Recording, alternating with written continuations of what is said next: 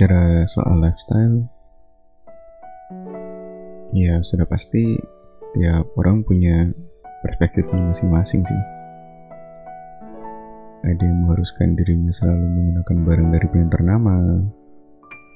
Ada juga orang yang selalu mempercayakan perawatan tubuhnya tuh pada salon dan produk perawatan dari brand yang ternama pula ini. Uh, salah nggak sih? Apa wajar? Terlebih kalau membebankan semua itu tuh uh, kepada pasangan yang sebenarnya juga belum pada waktunya sih untuk memfasilitasi itu semua. Apalagi dengan mengatasnamakan cinta. Buat kalian yang pernah ngerasain materialistis dalam satu hubungan, kalian gak sendiri bro. Kita semua pernah kok ngalamin hal ini.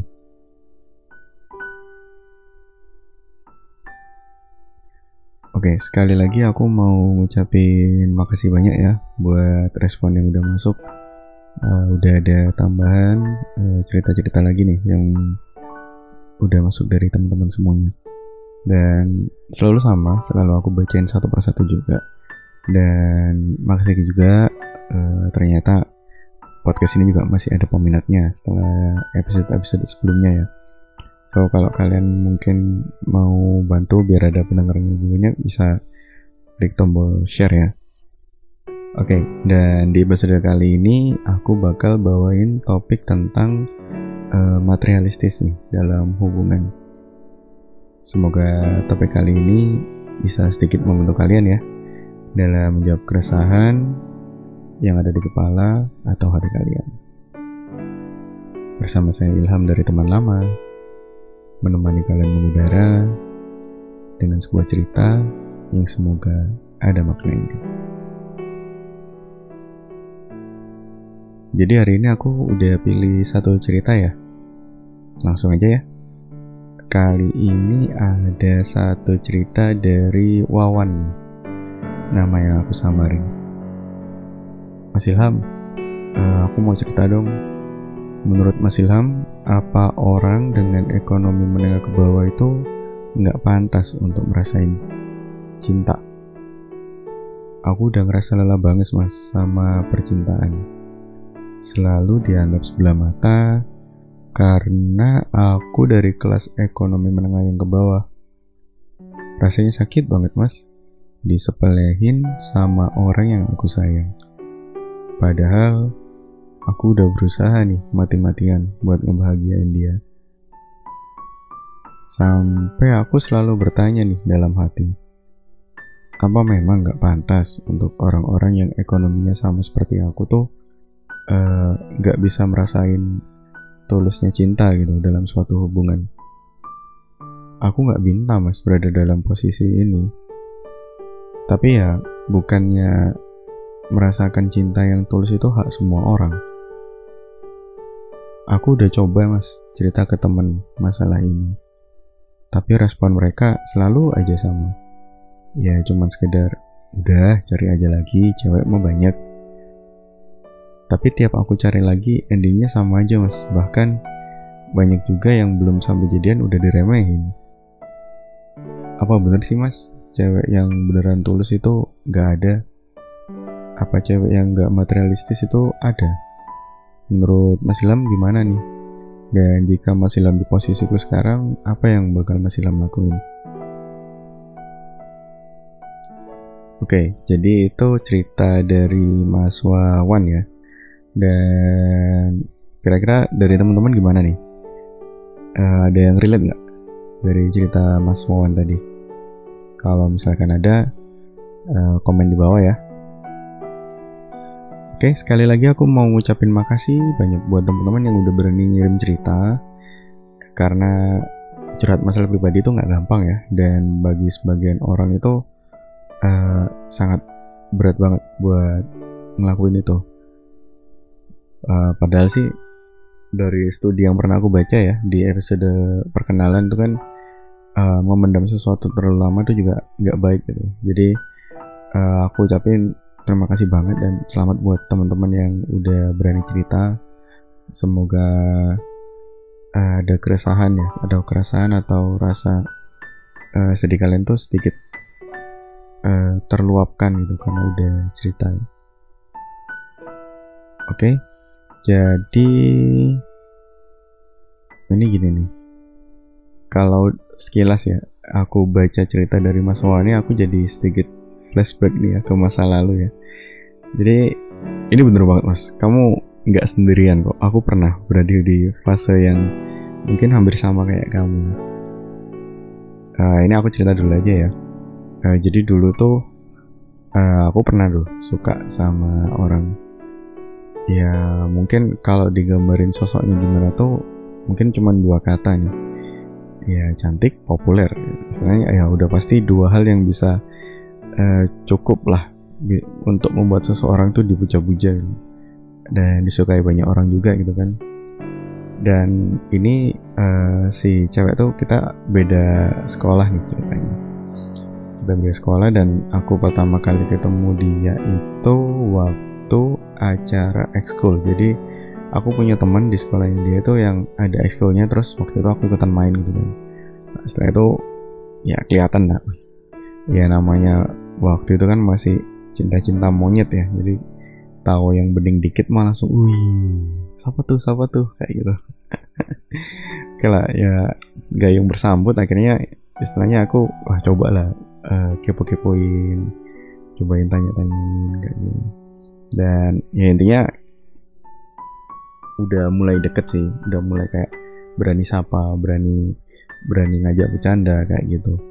Dan endingnya sih aku nggak tahu ya kenapa kok ya mungkin karena masih kecil juga ya masih bocah juga ya. Waktu itu tuh aku uh, nanggepin tuh wah ini ini anak pasti oh, pasti mau nih nerima gue responnya bagus banget nih sama gue kayak ah, anjir kayak apa pede banget gitu kan. Nah pada sampai suatu ketika tuh aku uh, mutusin nih buat udahlah uh, daripada nggak ada kejelasan udah lebih baik aku tembak aja gitu kan. Dan ini aku ingat banget ini epic banget dan aduh drama banget sih kalau kalau aku ingat sekarang. Jadi karena dulu kan di TV-TV kan kalau adegan uh, nembak cewek kan mesti uh, bawa bunga kalau nggak gitu bawa coklat gitu ya biar kesannya kayak romantis gitu. Jadi aku waktu itu masih belum pakai motor masih pakai uh, sepeda ya sepeda kayu itu. Itu aku datang ke minimarket aku beli coklat terus aku masukin ke tas kresek uh, minimarketnya ya. Terus habis itu uh, tas kreseknya dari itu aku aku apa ya cantolin. Kalau bahasa Surabaya sih cantolin kalau Indonesia mungkin gantungin oke. Okay. jadi kresek kresek uh, minimarketnya tadi itu aku gantungin di di setir sepedanya. Terus aku uh, lari lah. Misalnya aku kayu yang cepet banget biar aku bisa sampai di sekolahnya dia gitu kan. Sampai di tuh kok tumben nih gerbangnya kok tutupan. Biasanya kan ekskul.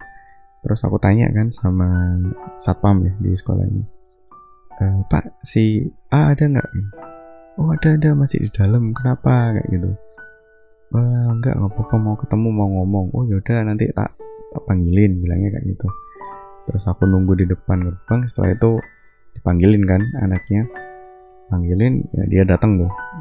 E, kenapa? kayak gitu. Ya waktu itu ya udah sok-sok anaknya karena ngerasa pede banget kan ngerasa wah pasti diterima nih mungkin gak nih. Langsung aja gue bilang ah aku mau ngomong sesuatu. Dengan muka yang aduh nggak banget deh kalau aku bayangin pasti. Dan si kresek yang isi coklat tuh aku sembunyiin ya di balik uh, punggung aku gitu. Nah, dan nggak ngerti gimana kayaknya nih anak notice nih kok kok ini bocah bawa sesuatu. Wah ini mungkin uh, kayaknya bakal ngomongin yang ya percintaan lah gitu. Mungkin yang aku tangkap sih kayaknya dia udah tahu kayak gitu. Terus tiba-tiba dia bilang kayak gini ke aku e, udah jangan jangan di sini uh, masuk aja ke dalam kayak gitu. Waktu aku masuk ke dalam tuh aku diajak ke lapangan. Diajak ke lapangan kan ya diajak ke lapangan. Terus sepi kayak gitu. Aku udah curiga loh emang nggak ada ekskul kayak gitu? Ada ya cuman lagi lagi di kelas kayak gitu. Oh ya aku dalam hati oh oke okay, enak nih. Berarti tinggal ngomong nggak perlu malu gitu kan? Terus ya udah langsung aja eh, nggak uh, pakai babi bu bebo langsung bilang oke okay, aku suka sama kamu kamu mau nggak jadi pacar gue gitu. Sambil ngeluarin uh, kantong plastik ya dari minimarket tuh aku kasih ke dia dan itu ekspresi yang bener-bener nggak bisa aku lupain banget. Ekspresinya tuh ketawa ketawanya tuh ketawa ketawa kayak ketawa jahat gitu. Kayak bener-bener ketawa yang jahat terus kayak ngeremehin hmm kayak itu terus dia ngeluarin uh, coklatnya gitu ya dari tas plastiknya minimarket. Uh, coklatnya tuh udah lele bro btw coklatnya udah lele. Terus aku udah feeling gak enak aduh ini pasti kacau nih kayak gitu dalam hati. Dan gak bener aja dia bilang kayak gini. Ini kamu ngasih coklat ini buat aku kayak gitu. Iya aku bilang gitu. Terus dia bilang yakin kamu ngasih aku coklat kayak gini? Coklat yang udah letoy ini. Terus uh, dia buang coklatnya ke tanah. Terus dia sambil bilang nggak level gitu. uh man damage-nya ngeri bro. Serius damage-nya ngeri damage-nya ngeri banget. Dan pas momen itu jatuh ya karena aku ngumpulin duit kan buat beli itu aku ngerasa sayang. Oh sok eh, nggak aku ambil lagi sih kan sayang gitu kalau dibuang. Ya aku ambil lagi coklatnya aku ambil lagi. Terus waktu aku masukin ke kantong plastik itu tiba-tiba temennya itu pada pada keluar kayak gitu. Terus kayak ngetawain aku kayak ceng-cengin kayak gitu. Wah itu parah sih. Misalnya bener-bener yang ngerasa dikucilin banget kayak orang yang waduh gila gila gila. Kalau inget-inget uh, masa itu emang pedih sih. Dan ya udah ya istilahnya waktu itu sedih banget campur aduk lah perasaan. Cuman emang kalau aku cerita dulu pasti udah pasti ya yang pertama diketawain pasti bakal di wah tambah dibully juga. Makanya aku eh, nggak uh, pernah cerita sih hal itu. Kecuali ke teman-teman yang emang deket banget sama aku. Ya udah akhirnya aku pulang terus di jalan tuh sambil naik sepeda ya sambil coklatnya sambil aku makan sambil nangis nangis kayak nggak jelas gitu.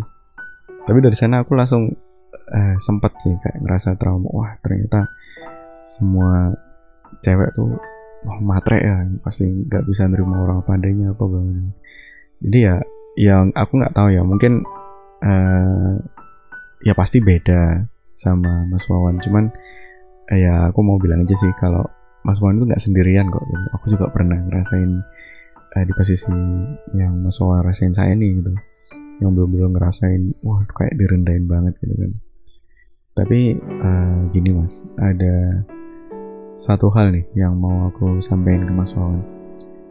Uh, seiring berjalannya waktu tuh makin ke sini tuh kan semakin dewasa ya. Aku jadi punya perspektif lain nih Mas uh, tentang hal ini. Ini kita coba bahas dari sisi realistisnya dulu aja ya.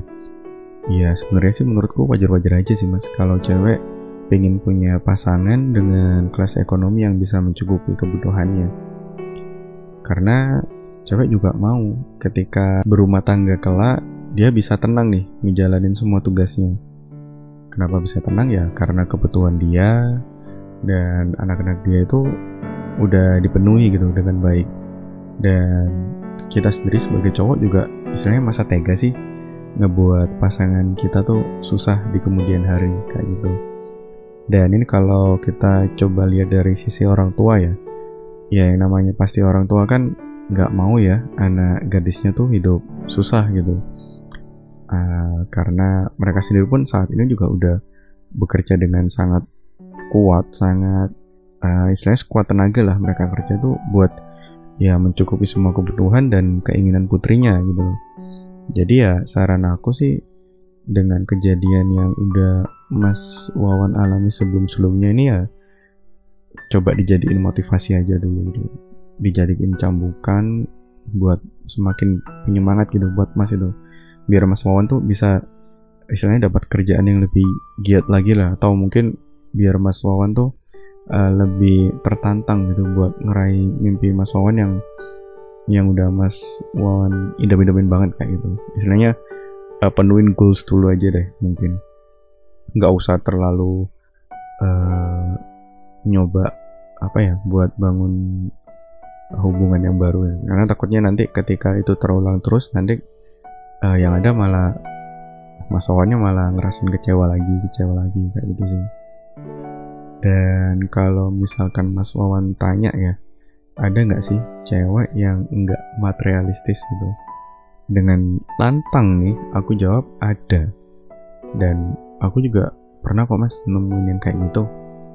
Jadi aku cerita lagi nih ya. Aku juga punya pasangan yang sebelumnya tuh ya bisa dibilang almarhumah itu bukan tipe cewek yang materialistis gitu. Nggak pernah yang namanya minta aneh-aneh dan uh, istilahnya nuntut ini itu dan ini itu nggak pernah. Bahkan kalau kondisi ekonomiku waktu sedikit turun gitu ya ya almarhumah juga nggak pernah tuh. Ya kayak ngeluh atau mungkin uh, kayak gimana gitu itu nggak pernah. Malah uh, dia ngejakin patungan. Jadi biar bisa have fun nih sama-sama. Jadi oh kamu punya cuma segini. Ya udah nggak apa-apa ini.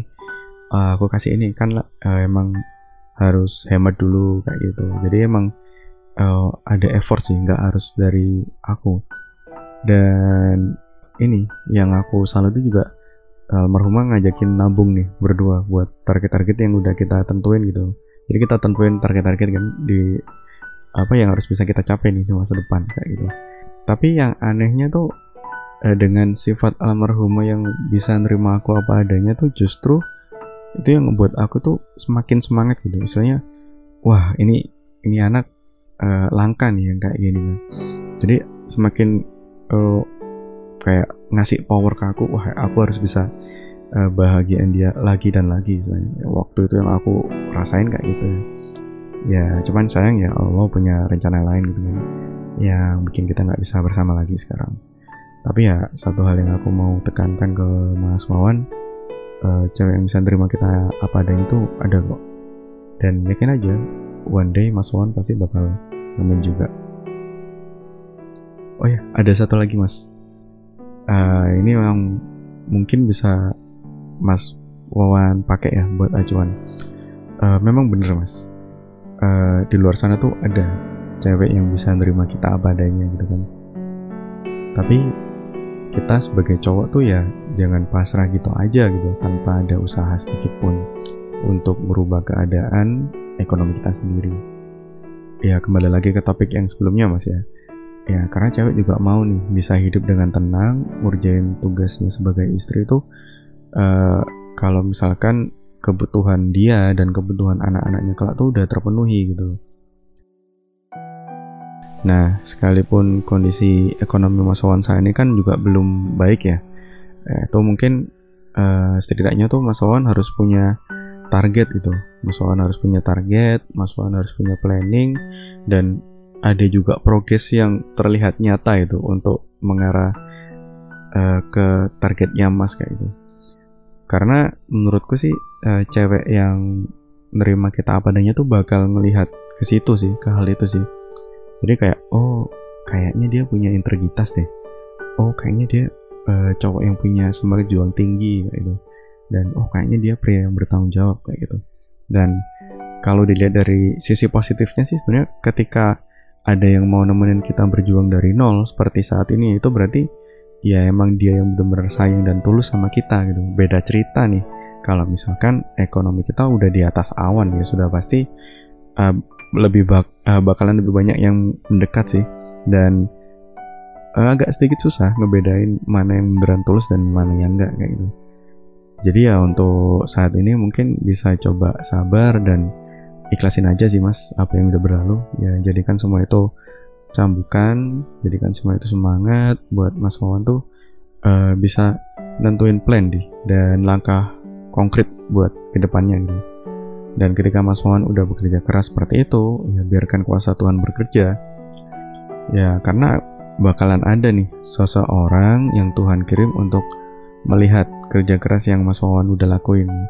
Dan dari situ pasti Mas Wawan bakal paham, oh ternyata ada ya yang bisa nerima aku apa adanya. Itu sih kalau dari aku. Kalau dari teman-teman yang lain gimana nih? Kalian punya pendapat lain nggak tentang kasus materialistis dalam hubungan? Kalau misalkan kalian punya saran atau punya pendapat lain, coba tulis di kolom komentar ya. Biar Mas Wawan juga tahu nih opsi lain dari rekan-rekan. Ya semoga di episode kali ini ada hal positif ya yang bisa kalian ambil. Dan semoga juga uh, bisa sedikit mengurangi nih keresahan kalian. Makasih udah mau dengerin dan jangan lupa follow Instagram aku @ilhamsa dan jangan lupa juga untuk ikutin semua akun sosmed aku ya kalau kalian mau biar kalian nggak ketinggalan nih update konten terbaru aku. So aku nggak mau uh, lupa buat ngingetin kalian kalau kalian ada cerita entah itu senang, sedih, percintaan, hidup. Feel free aja kalau emang mau curhat sama aku dan bisa langsung aja lewat DM. Ya, karena aku yakin sih aku percaya karena itu ada penelitiannya juga uh, memendam hal yang yang buruk atau yang bisa membuat kita rasa dalam waktu yang cukup lama tuh uh, bukan hal yang baik dan bisa menyebabkan uh, gangguan pada kesehatan kita. Oke, aku Ilham dari podcast teman lama. Mohon pamit. Sampai bertemu di episode selanjutnya. Stay safe, stay happy.